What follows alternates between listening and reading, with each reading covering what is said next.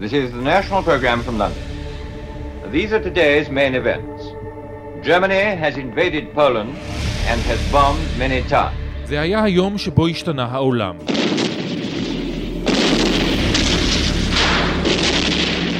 האחד בספטמבר 1939, הפלישה של גרמניה לפולין פתחה את מלחמת העולם השנייה. This country is at war with Germany. המלחמה האלימה ביותר, שבה נהרגו יותר מ-60 מיליון בני אדם, ההרסנית ביותר והמשפיעה ביותר על ההיסטוריה המודרנית. Rozśmiały się wierzby płaczące, rozpłakała się dziewczyna w głos. האחד בספטמבר התחיל בעצם הטרגדיה של העם הפולני. Расцветали яблоня и груша. In our eyes, it was a repetition of uh, Hitler uh, how to attack the Soviet Union.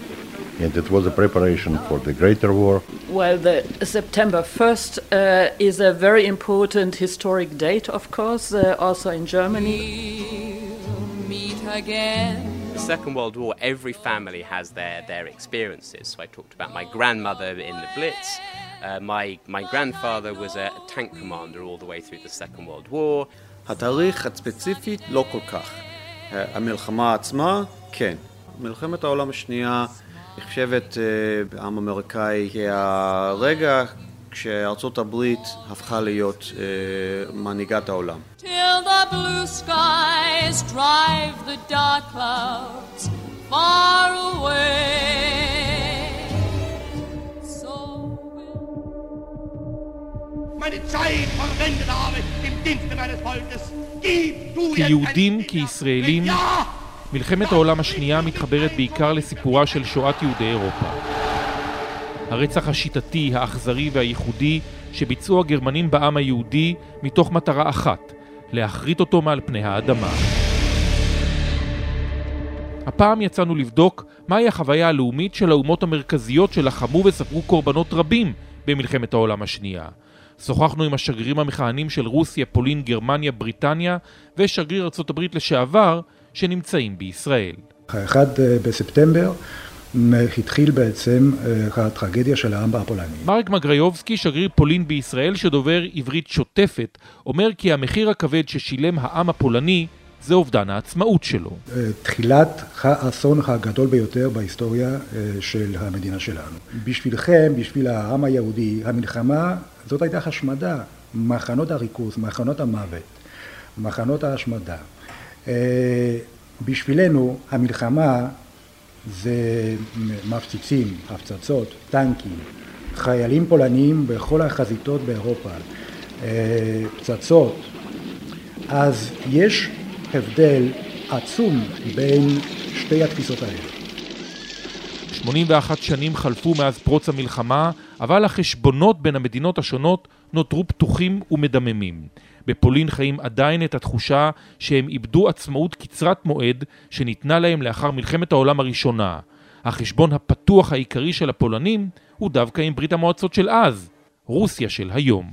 רוסיה הסובייטית שיתפה פעולה עם, עם גרמניה הנאצית מההתחלה עצמה של מלחמת העולם השנייה, מאז ספטמבר או מאז אוגוסט 1939 וכמובן במשך כשנתיים היו שתי המעצמות האלה היו בעלי ברית אז אנחנו ראינו הקורבן הראשון של, המלחמה אבל לא רק על ידי גרמניה הנאצית, המשטר של היטלר, אלא על ידי שתי המעצמות.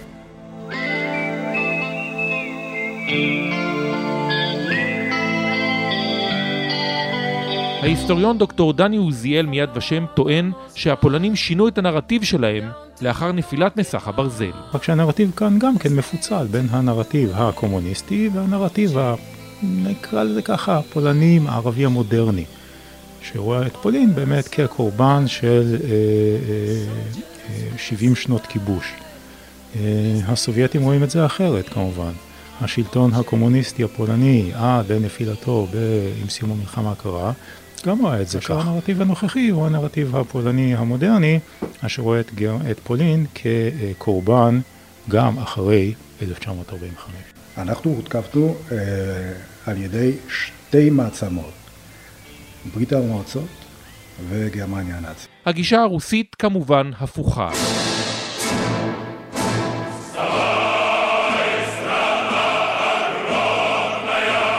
גם היום חשים ברוסיה קורבן של המלחמה הזו, למרות שיוזף סטלין, מנהיגה הכל יכול של רוסיה דאז, חתם על הסכם חלוקת פולין מול אדולף היטלר באמצעות הסכם ריבנטרופ מולוטוב, הרוסים חשים שעושים להם עוול כשמטילים עליהם את האחריות בכך שאפשרו להיטלר לצאת למלחמה. It, it was buying time. It was, it, it was about buying uh, very, very uh, time which, which was needed. מדובר על לא יותר מהסכם טקטי, מסביר שגריר רוסיה בישראל, אנטולי ויקטורוב. בוודאי, היה ברור לשני הצדדים כאן שזה הסכם טקטי לגמרי, אבל שני הצדדים יכלו להרוויח מזה. כשנדבר על שני הצדדים זה הסובייטים והגרמנים כמובן. הגרמנים uh, קיבלו uh, uh, חופש פעולה מלא בפולין. הסובייטים קיבלו זמן לש...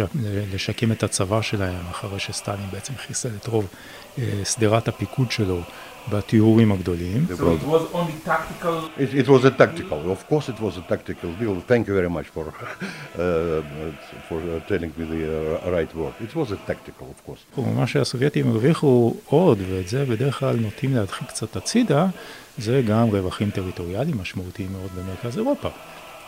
חבל בסרביה, שהם קראו מרומניה, הארצות הבלטיות, וכמובן מחצית מפולין, כמעט מחצית מפולין. לרוסיה טענות קשות כלפי המערב, ניסיונות של סטלין לייצר ברית הגנה עם צרפת ובריטניה כשלו לטענת הרוסים במהלך 39, מה שחייב את סטלין לחתום על הסכם עם היטלר. From 1934, uh, the Soviet Union was acting מאז 1934 ברית המועצות פעלה במטרה לייצר מערכת ביטחון קולקטיבי באירופה ומחוצה לה. מדובר היה בהצעה שרוסיה הגישה לידי האומות המאוחדות, אך למרבה הצער המאמצים הללו נכשלו. ובכלל, למערב היה אינטרס, טוען השגריר הרוסי, שהיטלר יחליש את רוסיה. ברית המועצות נכשלה וגם הבינה מדוע נכשלה. צרפת ובריטניה קיוו שגרמניה תתקוף, שהיטלר יתקוף ויחליש את רוסיה. זה היה מניע אידיאולוגי וגיאופוליטי. It was, it was ideologically motivated uh, approach. על דבר אחד אי אפשר להתווכח, הפולנים היו קורבן המלחמתי הראשון של מלחמת העולם השנייה, בעוד החשבון עם רוסיה נותר פתוח, דווקא עם הגרמנים הם התפייסו. אם אתה אה, קראת כמה אמירות, כמה התבטאויות של, אה, של מנהיגי גרמניה בשנים האחרונות, קודם כל של הקנצלרית מרקל וגם של שר החוץ או שרי החוץ הגרמניים בשנים האחרונות, הם אומרים את זה תמיד, אנחנו אשמים. יש לנו אחריות, הייתה לנו האחריות הגדולה ביותר על מה שהתרחש במשך המלחמה בפולין וגם במדינות האחרות. Poland is that Poland was among the nations who suffered most from German occupation and the crimes committed during World War II. גרמניה לעומת זאת מקפידה לקחת אחריות מלאה על פשעי המלחמה, לא רק כלפי העם היהודי, אלא גם לפשעים כלפי העם הפולני, מדגישה שגרירת גרמניה בישראל, סוזנה ואדום ריינר. And that millions of, Jew, of Jewish, of Polish citizens, Jewish and non-Jewish citizens were killed מיליונים מאזרחי פולין, יהודים ולא יהודים, נהרגו במחנות ריכוז גרמניים על אדמת פולין. בשנה שעברה, כשהנצחנו את יום השנה לשחרור אושוויץ, היינו מאוד אסירי תודה על הזמנת הקנצלרית. היא ביקשה סליחה מהעם הפולני על הפשעים הבלתי ניתנים להסבר שבוצעו באותה תקופה נגד האומה הפולנית ונגד העם הפולני. Against the Polish nation, against the Polish people. We shall fight in France. We shall fight on the seas and oceans. We shall fight with growing confidence and growing strength in the air. We shall defend our island, whatever the cost may be. We shall fight on the beaches. We shall fight on the landing grounds. We shall fight in the fields and in the streets. מי שנותרה כמעט לבדה בקרב מול גרמניה המתעצמת באירופה הייתה בריטניה. אי מבודד מצד אחד, ומעצמה בינלאומית בעלת מושבות באסיה, צפון אפריקה והמזרח התיכון. הזיכרון הטראומטי הצרוב שלהם במלחמה הזאת זה הבליץ על לונדון. המדינה היחידה שנותרת במערכה מול גרמניה הנאצית, ואני אפילו אקצין את זה ואומר, מול הברית הגרמנית אה, סובייטית, זה אנגליה. אין יותר צרפת. ארה"ב עדיין בהתבדלות הזוהרת שלה מעבר לאוקיינוס האטלנטי. מי שנמצא שם זה אך ורק אנגליה. כלומר, אם הבריטים היו מפסידים בקרב על בריטניה, סביר מאוד שהם היו צריכים להתמודד עם דיוויזיות שריון גרמניות על אדמתם. זה לא קרה, והשאר היסטוריה. We shall never surrender.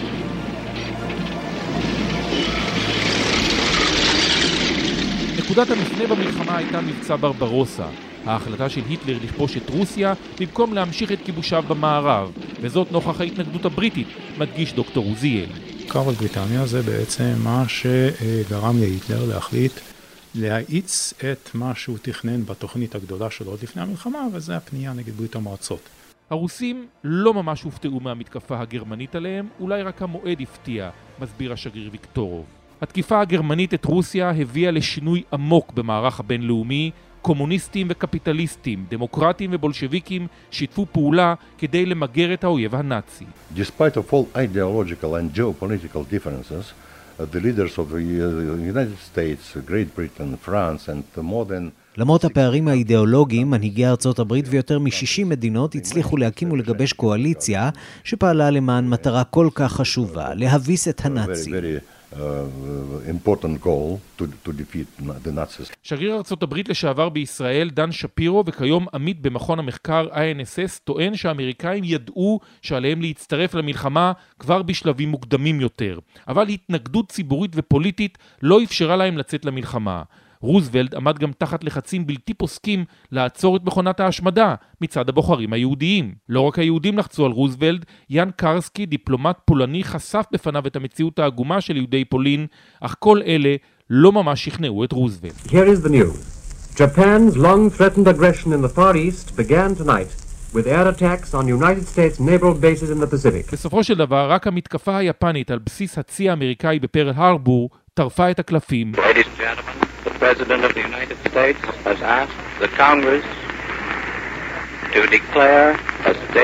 ארצות הברית נכנסה למלחמה. ארצות הברית מצטרפת לבריטניה במתקפה על אירופה. סבו של ניל ויגן, שגריר בריטניה בישראל, היה ממשחררי מחנה ברגן בלזן, שבו נכלאו רבים מהיהודים שהובאו בשבועות האחרונים של המלחמה מפולין, מערבה, בצעדות המוות. We weren't invaded like much of uh, countries like Poland, where their populations suffered hugely. So much, much. לא פלשו לשטחנו שלא כמו בהרבה מדינות אחרות, כמו פולין למשל, שם האוכלוסיות סבלו הרבה יותר, כמו רוסיה למשל, מניין הנפגעים בנפש ברוסיה היה עצום, אך מלחמת העולם השנייה עדיין חשובה לנו, מכיוון שזו המלחמה האחרונה שרוב האנגלים חשים אליה קשר אישי. היום יש לנו צבא מקצועי די קטן, אבל זה לא היה המצב במלחמת העולם השנייה. סבתי למשל חוותה את הבליץ על לונדון. סבי היה מפקד טנקים לאורך כל מלחמת העולם השנייה. הוא נחת בצרפת זמן קצר אחרי הפלישה לנורמנדי, הוא פיקד על יחידה שנעה כל הדרך לגרמניה, הוא היה אחד האנשים הראשונים שהגיעו למחנה הריכוז בלזן, כך שלכל אחד בעם הבריטי יש זיכרונות משפחתיים ממלחמת העולם השנייה. כמו הרבה אנשים, הוא, סבי, לא דיבר הרבה על חוויותיו במלחמה. עד אורו הוא חזר הביתה ורצה להמשיך בחייו. אני אספתי את המידע בעצמי. כשהם ראו מה הגרמנים עשו במחנה, הם נחרדו, זה היה הדבר המזעזע ביותר שראו במלחמה.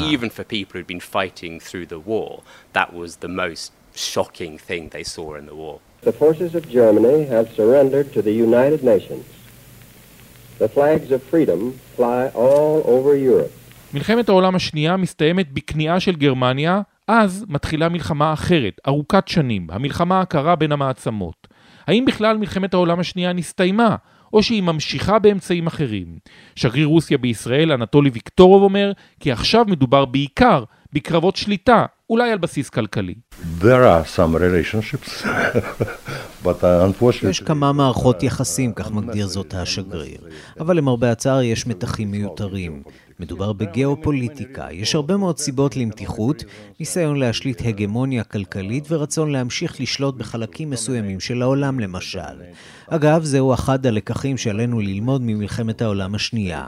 הרבה מאוד תלוי בעמדת ארצות הברית ובשיתוף הפעולה שלנו בין רוסיה לארצות הברית. אבל רוסיה של פוטין נוהגת אחרת. ולדימיר פוטין לא פשוט להבנה מבחינת המערב.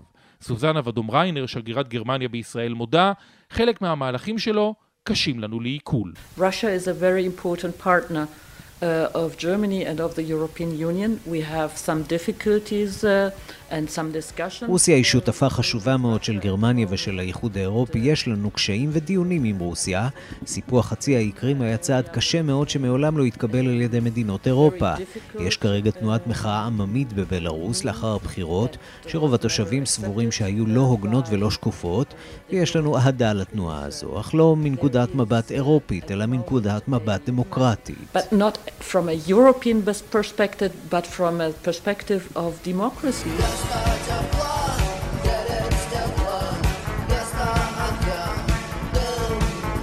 הרוסים מאשימים לא מעט את הפולנים בהתססת הרוחות בבלארוס. מריק מגריובסקי אומר כי יש לנו אמפתיה למפגינים. האם בלארוס היא לא תלויה מההחלטות שהן מתקבלות במוסקבה? לא. בלארוס היא מדינה חופשית מבחינת אה, אה, הכלכלה הבלארוסית? גם לא.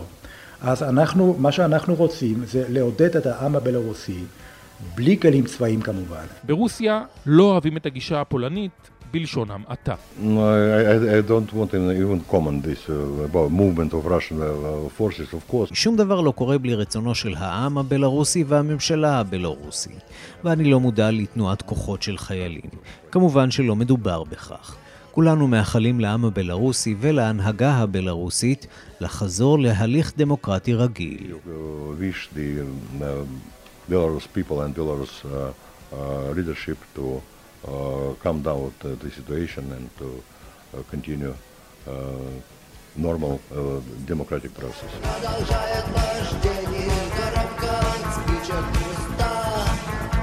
רוסיה מתמודדת עם טענות קשות על כך שתחת פוטין לא מדובר עוד בדמוקרטיה, בין היתר בשל גורלם של עיתונאים ופעילי אופוזיציה, במקרה הטוב הם נכלאים, לעיתים גם מורעלים. I don't know the, uh, what happened to Navalny. I know from the uh, press reports. אני לא יודע מה קרה לנבלני, אני מכיר מהעיתונות הצהרות לא אחראיות של מנהיגים מסוימים למרבה הצער. זה לא מעשה אחראי. העיתונות המערבית מעצימה את דמותו של נבלני, הוא לא דמות פוליטית, אולי בעיני מישהו אחר ברוסיה, ואני לא אומר את זה כדיפלומט. מה שקראתי עד כה ממנו, לא עליו אלא ממנו, לא מעודד מבחינתי. הוא חופשי כמובן להשתמש בחופש הביטוי ברוסיה. הטענה שהוא כל כך מסוכן לשלטונות ברוסיה ושמשום כך הרעילו אותו, איננה נכונה. It's not true. It's not true to, rea- to the rea- reality. Again. Don't know where, don't know when, but I know we'll meet again some sunny day.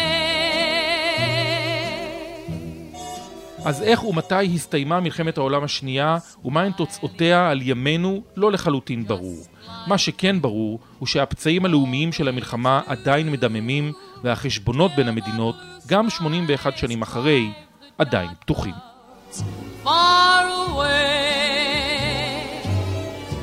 So will you please say hello to the folks that I know? Tell them I won't be long. happy to know that as you saw me go, I was singing this song. We meet again, don't know where, don't know when, but I know we'll meet again some.